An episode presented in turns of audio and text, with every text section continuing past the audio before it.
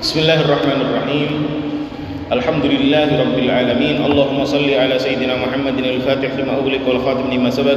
ناصر الحق بالحق والهادي إلى صراطك المستقيم وعلى آله حق قدره ومقداره العظيم. اللهم أنت الذي أنعمت فعلمت وأنت الذي فتحت فألهمت. فلك الحمد مولانا كما أكرمت ففهمت وقلت وقولك الحق وعدك الصدق سنقرئك فلا تنسى. وقلت علم الإنسان ما لم يعلم. وقلت وعلم آدم الأسماء كلها. وقلت وعلمناه من لدنا علما. وقلت ففهمناها سليمان. فنسألك يا الله يا الله يا الله يا حي يا قيوم يا حي يا قيوم يا حي يا قيوم. يا ذا الجلال والإكرام يا ذا الجلال والإكرام يا ذا الجلال والإكرام أن تعلمنا كما علمتهم وأن تلهمنا كما ألهمتهم وأن تفهمنا كما فهمتهم وأن تحفظ ما مننت به علينا كما حفظته عليهم. وقلت إنا نحن نزلنا الذكر وإنا له لحافظون وقلت ولا يؤوده حفظهما وهو العلي العظيم. اللهم اجعل هذا المجلس خالصا لوجهك الكريم يا رب العالمين.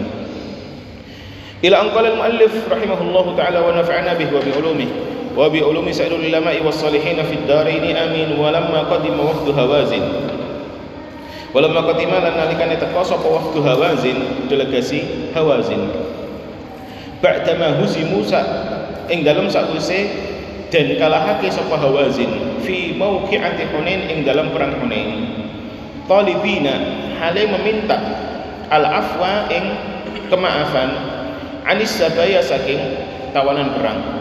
Mudzakkirina tur ngilingake bir rahim kelawan hubungan kekeluargaan. Qala ngendikan sapa Zuhair Aba Sadat Ya Rasulullah fil hadairi iku ing dalem uh, tempat tawanan ammatuka utawi bibit-bibit panjenengan wa khalatuka lan bibit-bibit panjenengan wa hawadhinuka lan ibu susu panjenengan. Allati hiya wong-wong kunna kang ana sapa allati iku yakfulna.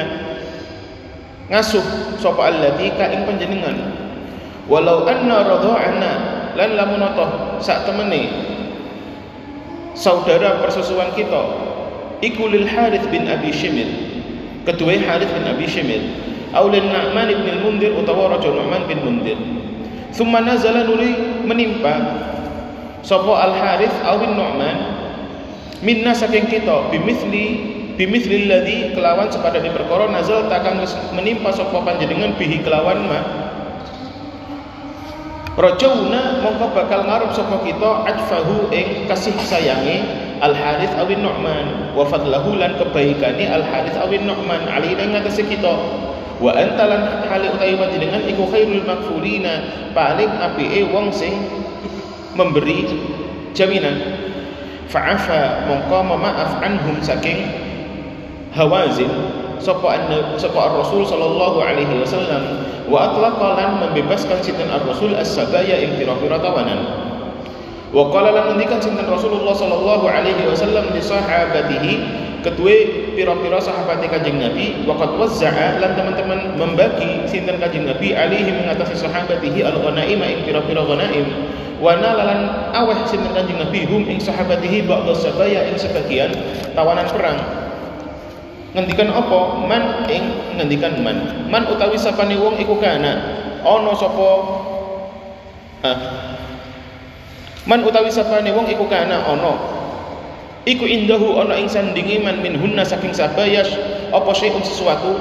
Fatabat mongko ridho apa nafsuhu awak dhewe man bi ayyaruddahu kelawan arep yen to balikake sapa man hu ing syai'un? Fasabilu dzalik ai fahuwa mongko utawi tobat nafsu iku sabilu dzalik carane wa man lan utawi sapa sapane wong iku ahabba.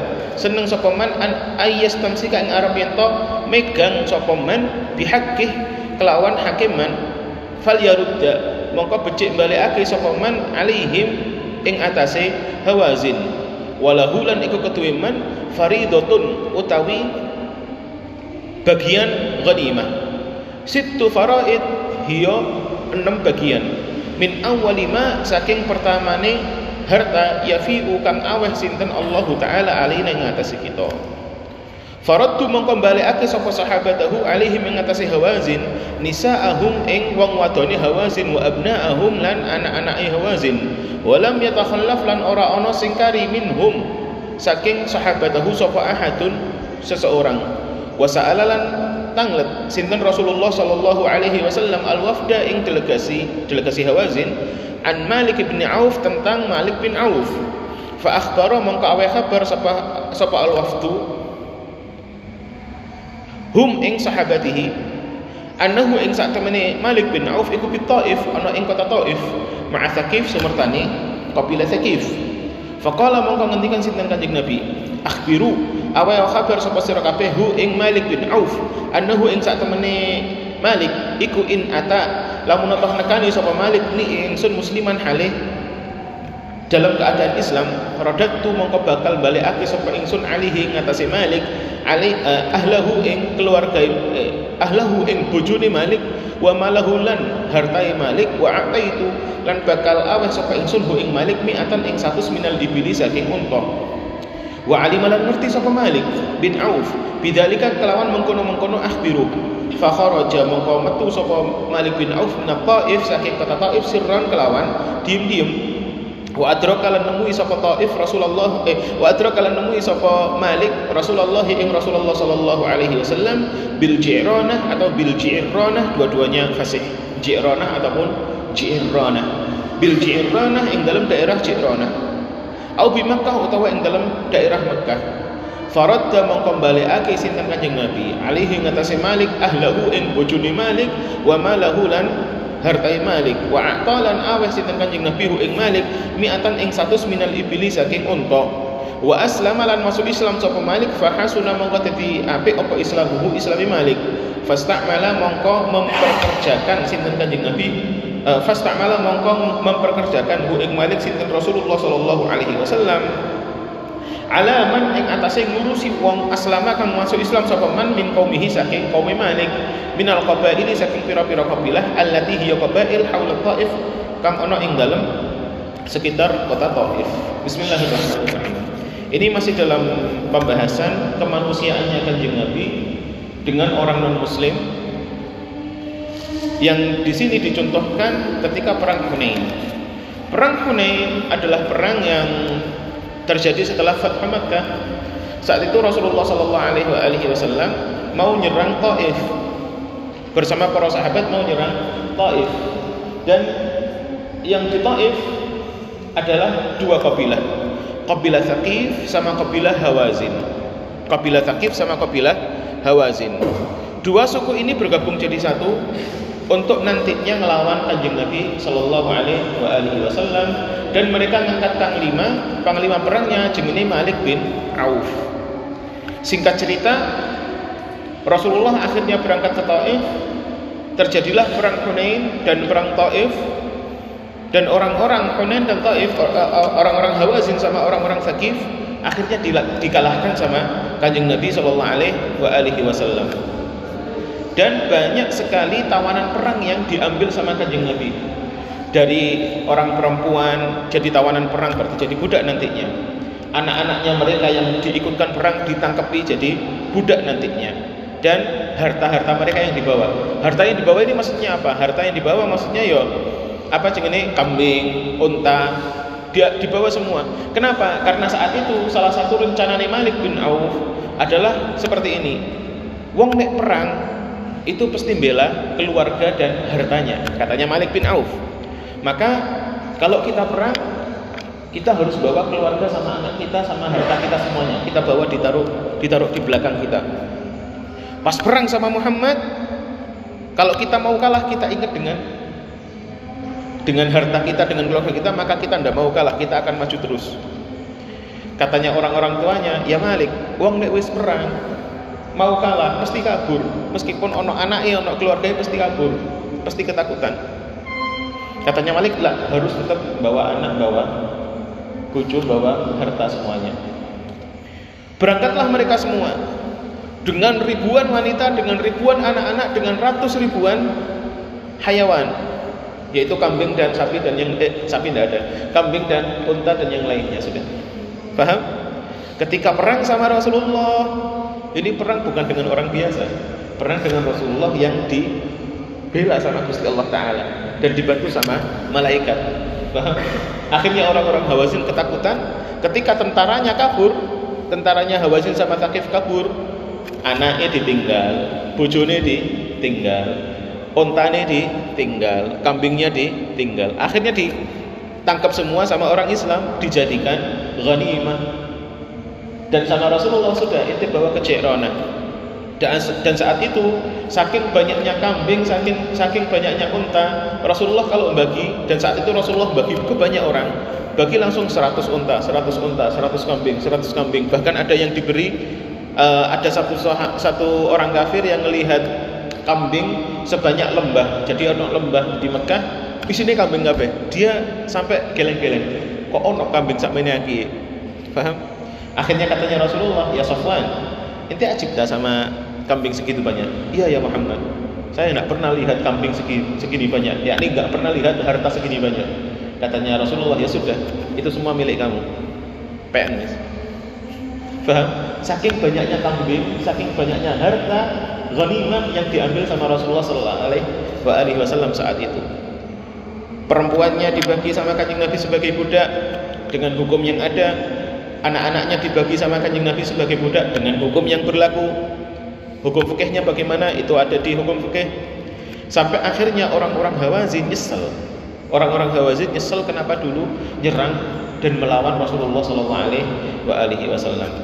Orang-orang Hawazin akhirnya punya inisiatif, mereka kepingin datang ke Kanjeng Nabi, minta maaf dan meminta keluarga mereka, harta mereka, anak mereka dibalikin. Datanglah mereka ke Rasulullah. Ya Muhammad, kita sudah menyerah, kita sudah mengaku kalah. Tolong anak kita, harta kita, istri kita dibalikin. Rasulullah langsung bilang, kamu tak beri dua pilihan. Ah, ceritanya seperti ini di sini. Ya Muhammad, semisal kamu katanya orang-orang Hawazin, kamu dulu pernah rodoah di keluarga kita. Pernah rodoah di Sayyidah Halimah As-Sa'diyah. Halimah Sa'diyah termasuk orang-orang Fakif dan Hawazin. Paham? Akhirnya mereka bilang, "Ya Muhammad, dulu kamu pernah uh, rodoh diasuh sama Halimah Sa'diyah yang dari kita. Semisal yang dulu diasuh sama kita adalah Raja Al-Harith bin Abi Shimir ataupun An-Nu'man bin Mundir dan mereka berhasil mengalahkan kita, kita bakal dekat dengan ke kepada dia dan bilang, "Ya Harith, ya Nu'man, kamu keluarga kita, tolong berbaik sama kita dan mereka pasti mau." Dan kamu ya Muhammad pasti lebih baik daripada Al Harith ataupun An Nu'man. Masuk kamu nggak mau berbaik sama kita? Paham? Jadi ini uh, nyentuh hatinya kanjeng Nabi. Akhirnya Rasulullah bilang, tak berikan, tapi salah satunya, bukan tak berikan semuanya. Kamu milih mana?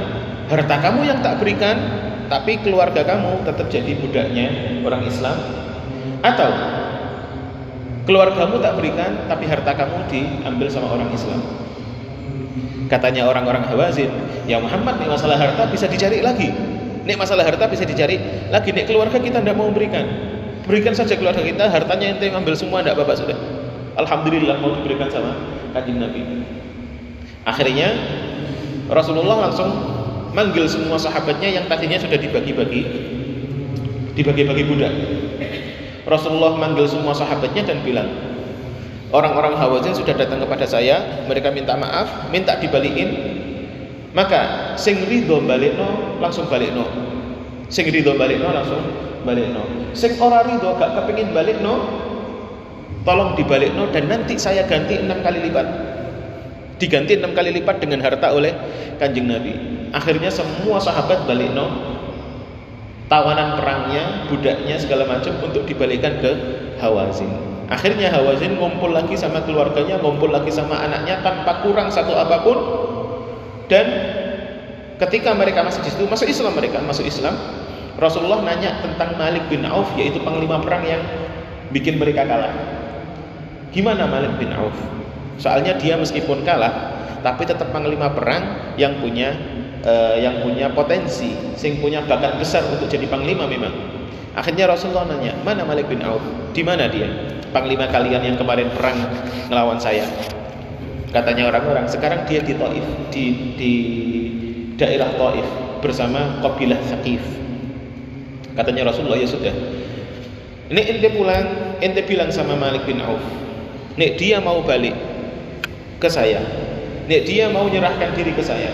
Maka anaknya tak balik no, bojone tak balik no, dan hartanya tak balik no. Berbeda dengan Hawazin. Hawazin cuma anak sama bojo, harta tetap diambil sama kanjeng Nabi. Nek Malik, nek mau balik, bojone tak balik no, anaknya tak balik no, hartanya tak balik no, tak tambahi untuk satu. Faham? Saking apik kanjeng Nabi. Akhirnya Malik bin Auf diberitahu, tapi orang-orang Sakif saat itu gak mau masuk Islam tetap. Ngancam Malik, ya Malik nih ente keluar ke Muhammad tak bunuh kamu. Faham? Tapi Malik ngerti ini Muhammad bukan bukan orang biasa. Ini pasti Rasul beneran. Akhirnya dia datang ke Rasulullah diem-diem. Kabur dari Taif diem-diem. Masuk Islam dan sama Rasulullah dibalikin semuanya. Ketika dapat semuanya dan dia sudah yakin bahwa Rasulullah ini benar-benar Rasul utusan Gusti Allah dia masuk Islam wa hasuna islamuh dan Islamnya jadi baik akhirnya dia balik ke Taif dan ngajak orang Taif untuk masuk Islam dan setelah itu orang Taif masuk Islam kabeh paham Wahakata karena Rasulullah SAW. Beliau e, meskipun saat itu sebagai pemenang. Kalau semisal Rasulullah menolak permintaan Hawazin, boleh. Menang, mau ngapain terserah saya yang menang, no? Paham? Dan saat itu Rasulullah memimpin. Kalau semisal Rasulullah e, memaksakan para sahabat untuk mengembalikan karena beliau adalah pemimpin dan beliau adalah Rasul. Maksain sahabat untuk balik, no? Bisa-bisa saja. Tapi apa Rasulullah melakukan itu? Rasulullah menjaga sisi kemanusiaannya. Rasulullah bilang ke Hawazin, meskipun kamu kalah dan saya menang, tapi jengene uang tetap bisa memaafkan, tak balik no. Ngomong sama sahabat, saya nggak mau maksa, saya mau balik no dengan ridho monggo, saya nggak mau balik no, tak bayar enam kali lipat, sing penting balik no. Faham? Jadi Rasulullah tidak memaksakan kemauan beliau. Beliau Rasul, Beliau pemimpin perang. Beliau saat itu memimpin negara paling kuat di Jazirah Arab bahkan di dunia. Beliau saat itu dibela langsung sama Gusti Allah. Beliau saat itu langsung dibela sama para malaikat. Faham? Tapi apakah dengan pembelaan-pembelaan tersebut, apakah dengan keunggulan-keunggulan tersebut akhirnya Rasulullah malah tajabbar, tambah jadi dolim? La. Rasulullah malah tahu apa yang harus saya lakukan. Wahada Kita harus seperti itu. Ilmat Alhamdulillah kalau memang kamu punya ilmu. Amalak bih, amal kamu dengan ilmu kamu lakukan. Takwanya ente kamu lakukan. Dan itu semua hubungan antara ente sama Gusti Allah Ta'ala. Ilmumu, amalmu dengan ilmu, takwamu Itu adalah hubungan kamu sama Gusti Allah Ta'ala. Jangan sampai ilmumu, amalmu, takwamu Bikin kamu merasa hebat Daripada orang lain. Faham? Rasulullah dengan ilmunya, Rasulullah dengan amalnya, Rasulullah dengan takwanya, Rasulullah dengan kedudukannya. Tapi Rasulullah enggak mendolimi orang lain. Kenapa? Karena Rasulullah melihatnya kepada bagaimana saya berinteraksi sama Gusti Allah Ta'ala, maka saya harus baik kepada semua orang. Dari sini sampai bisa paham. Kenapa sih Rasulullah kok menung, menungso banget, manusiawi sekali. Beliau sama orang lain bantu. Beliau sama semisal ketika di perjalanan beliau mau nyari kayu untuk para sahabat. Ketika beliau sama sahabat beliau tidak pengen diangkat jadi nomor satu. Beliau ketika sama sahabat jalan bareng beliau pengen paling di belakang nggak mau paling di depan. Karena kalau paling di belakang beliau bisa ngurusi mungkin ada barang jatuh segala macam untuk dihitmah kenapa Rasulullah mau khidmah sama manungso padahal Rasulullah adalah orang yang paling dihitmai semua makhluk. Kenapa Rasulullah mau khidmah karena Rasulullah melihat, saya punya ilmu, maka saya harus beramal dengan ilmu saya. Saya melihat Gusti Allah bakal minta tanggung jawab saya. Saya punya amal, amalnya saya baini wa bainallah bukan untuk omongan yang menungso. Saya punya takwa, takwa saya harus menjadikan saya jadi orang yang paling tawadu. Bukan menjadikan saya sebagai orang yang minta dimuliakan sama orang lain. Faham? Fa'ilmak wa amalak wa takwak kullu halillah untuk Gusti Allah taala la bukan untuk selain Gusti Allah taala. Ini ilmumu hanya untuk orang lain maksudnya kamu punya ilmu untuk nyombongin orang lain. Takwamu untuk nyombongin orang lain kalau memang bertakwa. Amalmu untuk nyombongin orang lain. Maka sebenarnya kamu tidak punya ilmu nggak punya amal nggak punya takwa. Soalnya apa? Mengilmu untuk kamu beramal lillahi ta'ala. Malah kamu, ilmu kamu pakai dipakai untuk nyombongi orang lain. Fa, tidak ada amalnya maka tidak ada takwanya semakin bertakwa orang, semakin bertakwa seseorang, semakin dia jadi manusia biasa. Semakin bertakwa seseorang, semakin dia jadi manusia biasa. Soalnya apa? Dia nggak melihat dirinya sebagai orang yang lebih mulia dari orang lain. Maka dia melihat orang lain lebih mulia daripada dia. Kalau orang bertakwa, semakin jadi manusia biasa. Soalnya apa? Ketika dia bertakwa, dia selalu ingat bahwa Gusti Allah ngawasi dirinya. Dia tidak mau memandang orang lain lebih rendah. Tapi memandang orang lain, dia yang lebih baik daripada saya, maka saya yang harus khidmah sama dia. Itu nek wangi bertakwa beneran nek gak bertakwa beneran meskipun sholatnya sampai badu gosong sak sak wajahnya gosong astagfirullahaladzim paham sampai insya Allah pakai kudung-kudung sak bani truk paham sak gede apa pakai jubah kedodoran. Nek gak bertakwa nganggap orang lain remeh. Nek gak bertakwa malah nganggap orang lain remeh. Soalnya apa? Dia merasa saya yang paling baik. Syuf lihatan saya sudah pakai imamah. Lihatan saya sudah pakai jubah. Lihatan saya sudah pakai jenggot. Masya Allah. Lihatan saya sudah batu hitam. Soalnya sudah banyak sholatnya segala macam. Maka kamu lebih rendah daripada saya. Ini nunjukkan kalau dia tidak punya takwa nunjukkan kalau dia tidak punya takwa kalau memang benar bertakwa maka bakal kayak kanjeng Nabi Shallallahu Alaihi Wasallam dan ketika bertakwa dan kayak kanjeng Nabi kita lihat kanjeng Nabi gimana dalam perjalanan Rasulullah tidak mau di di dilayani berlebihan. Malah Rasulullah suatu hari dalam perjalanan dan ini pernah saya katakan, ketika dalam perjalanan sebagian sahabat bilang, "Ya Rasulullah, saya yang bagian gorok kambingnya." Sahabat lain, "Ya sudah kalau gitu saya bagian nguliti." Ya sudah kalau gitu saya bagian masak. Ya sudah kalau gitu saya bagian air. Rasulullah langsung bilang, "Saya bagian nyari kayu." Bagian yang paling Paling remeh kamu, saya, saya bagian nyari kayu. Sahabat langsung bilang, ya Rasulullah jangan diem saja sudah di sini. Kita yang khidmah. Katanya Rasulullah, Gusti Allah tidak senang kalau lihat hambanya berbeda dari orang lain. Gusti Allah nggak senang kalau melihat hambanya berbeda dari orang lain. Dan ini menunjukkan takwanya kanjeng Nabi Shallallahu Alaihi Wasallam. Ketika takwanya beliau malah menjadikan beliau sebagai manusia yang biasa kayak orang lain. Bukan minta dimuliakan, bukan minta apa adanya Rasulullah dimuliakan sama sahabat itu dari sahabat bukan Rasulullah yang minta Rasulullah tidak minta itu Rasulullah tidak minta itu bahkan ketika Rasulullah nikah ngundang para sahabat sahabat datang ke rumah beliau dan sahabatnya gak mau gak mau pergi. Soalnya ada makan akhirnya sahabatnya gak mau pergi. Rasulullah mau ngusir tidak berani. Diam Rasulullah. Sampai akhirnya turunlah ayatnya Gusti Allah taala wa idza ta'imtum fantashiru. Nek wis mangan mulya aja nang Rasulullah terus. Sing apa? Sing sing sing no Gusti Allah Rasulullah tidak mau. Soalnya apa? Rasulullah malu. Mereka butuh makan mereka datang di sini mau tak usir. Syuf. Padahal kalau Rasulullah bilang mulia dia langsung mulai soalnya sing sing sing sing apa yang yang nyuruh Rasulullah tapi Rasulullah nggak memakai haknya beliau sebagai saya adalah seorang nabi, saya adalah seorang rasul, saya adalah pemimpin negara, saya adalah Allah. Rasulullah tidak melihat seperti itu. Rasulullah melihat saya manusia biasa. Innama ana bashar. Saya menungso. Tapi yuha ilayya, saya punya keistimewaan yaitu diberi wahyu.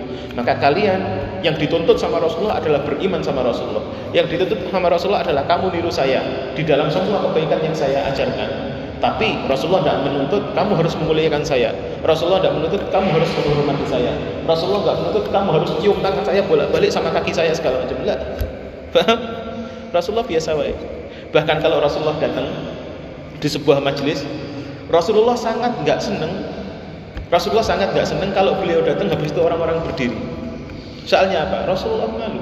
Kenapa harus memuliakan saya? Ini cara pandangnya kan Nabi. Soalnya apa? Yang harus dimuliakan Gusti Allah bukan saya. Kenapa? Karena saking bertakwanya kanjeng Nabi SAW semakin bertakwa beliau semakin menjadi manusia biasa. Fahim tuh? Faham? Seperti itu. Wahakada Bismillahirrahmanirrahim. Allah hadza ceritanya Sayyidah Syaiban wa kana lan ono iku min dimni sabaya termasuk uh, wong-wong sing ditawan. Sapa asy-syaima'u Syaima binti Halimah as-Sa'diyah saudara persusuane Kanjeng Nabi sallallahu alaihi wasallam. Ukhti Rasulillah, ukhtu Rasulillah hiya dulure Kanjeng Nabi minar radhaati saking persusuan. Wa a'nafu mongko ngelokno sapa wong-wong alaiha ing atase ing atase syaimak fisuki ing dalam pasar. Wa hum hali utawi annas iku layadruna. Orang ngerti sapa annas mereka tidak tahu bahwa ini adalah syaimak uh, saudara persusuannya kanjeng Nabi ketika syaimak datang untuk ke pasar mereka ngelokno ada hawazin ini jelas hawazin faham? Dilokno ini hawazin yang kemarin kalah segala macam. Syaimak diem sampai akhirnya Syaimak pegel ketika di di gojloki beliau bilang ana ukhtu sahibikum. Saya adalah saudara Rasulullah. Kata sahabat enggak Rasulullah enggak punya dulur. Kok kamu mau dulur ya apa? Akhirnya tetap Syaimak saya saya adalah saudaranya Nabi kamu. Orang-orang langsung bawa Syaimak ke Rasulullah. Ya Rasulullah ada orang ngaku sebagai saudaranya jenengan Rasulullah enggak enggak ngingkari atau suruh masuk suruh masuk. Nah inti sama saya Syaimak saya saudaranya kamu ya Muhammad. Sama Rasulullah apa buktinya kalau kamu kalau kamu adalah saudara saudari saya? Apa buktinya kalau kamu adalah saudari saya? Katanya Syaiman dulu ketika kecil kamu pernah tak gendong dan kamu gigit pundak saya? Ini cerita yang nggak diketahui kecuali oleh pelakunya saja yaitu Rasulullah dan Syaiman katanya Syaiman Ya, ya Rasulullah, dulu ketika kamu kecil pernah tak gendong di di punggung saya dan kamu gigit pundak saya. Katanya Rasulullah, "Na'am, hadza Syaima, ini saudara saya." Akhirnya sama Rasulullah jubahnya dicopot dan digelar untuk diduduki sama Syaima radhiyallahu taala. Saking memuliakannya Rasulullah kepada saudarinya semasa kecil. Fahim tuh?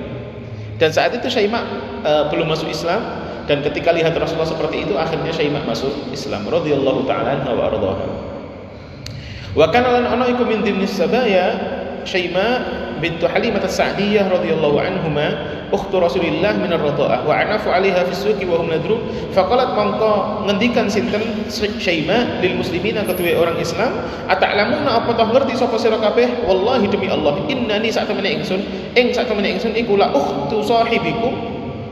Teman-teman dulure konco konco sira kabeh ya ini kanjeng Nabi minar radhaati saking radhaah falam yusaddiqu mongko ora percaya sapa al muslimin ha ing syaima hatta atau sehingga nggawa sapa al muslimin biha kelawan syaima ila Rasulillah sallallahu alaihi wasallam.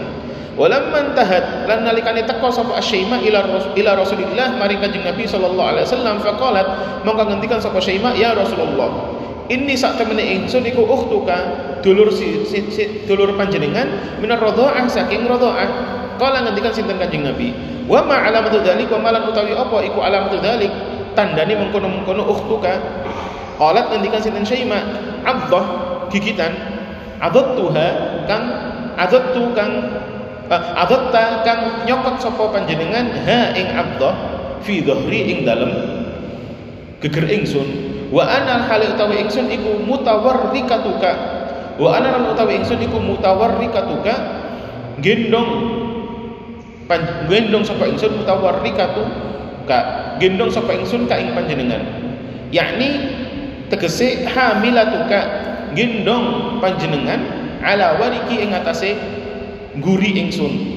Wa arafa lan ngerti sinten Rasulullah sallallahu alaihi wasallam al alamata ing tanda fasurra mangko den senengake sinten Kanjeng Nabi biha kelawan Syaima.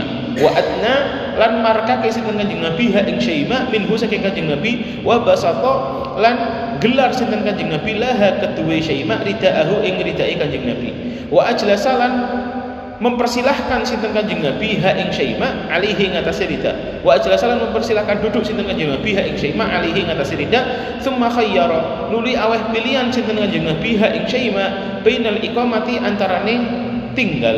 Ma'ahu sumertane kanjeng Nabi awil audah utawa balik ila qaumiha maring kaume syaima faraat mongko milih sapa Syaima an ta'uda ing arep yen balik sinten Syaima ila qaumiha maring qaumi Syaima.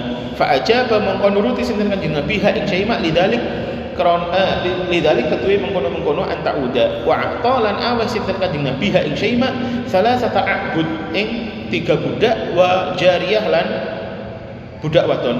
Wa na'aman lan pira-pira unta wa syatan lan pira-pira kambing Hada utawi iki-iki cerita iku wala yafutu lan ojo sampai ilang. Na ing kita apa annat qura arep ento ilang eling sapa kita? Anna syaima ing sak temene sayyidah syaima iku pat selamat. Teman-teman wis masuk Islam sinten syaima maka syaima ketika datang sama Rasulullah dan diterima sama Rasulullah akhirnya Rasulullah beri tawaran ya syaima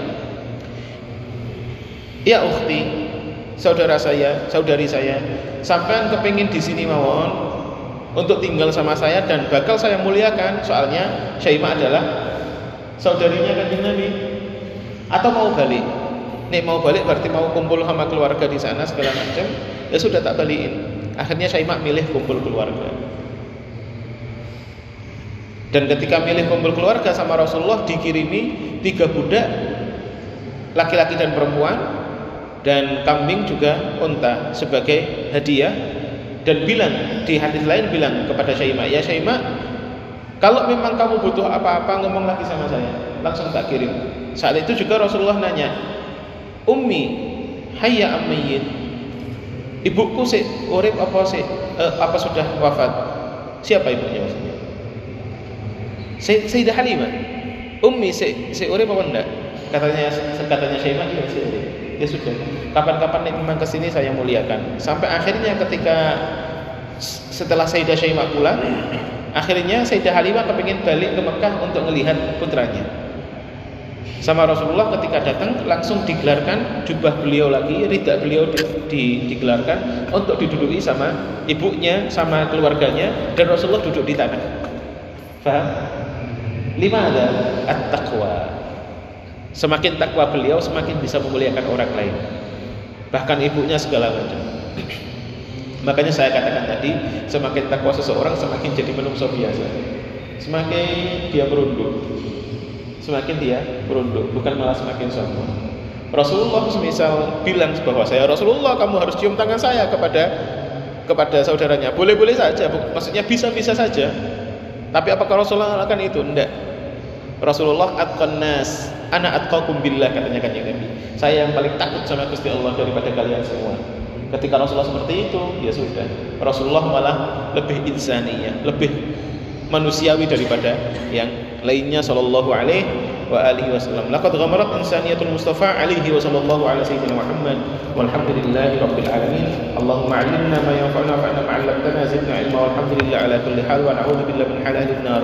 اللهم إنا نستودعك ما قرأناه فنشرنا به إن الحديث إليه اللهم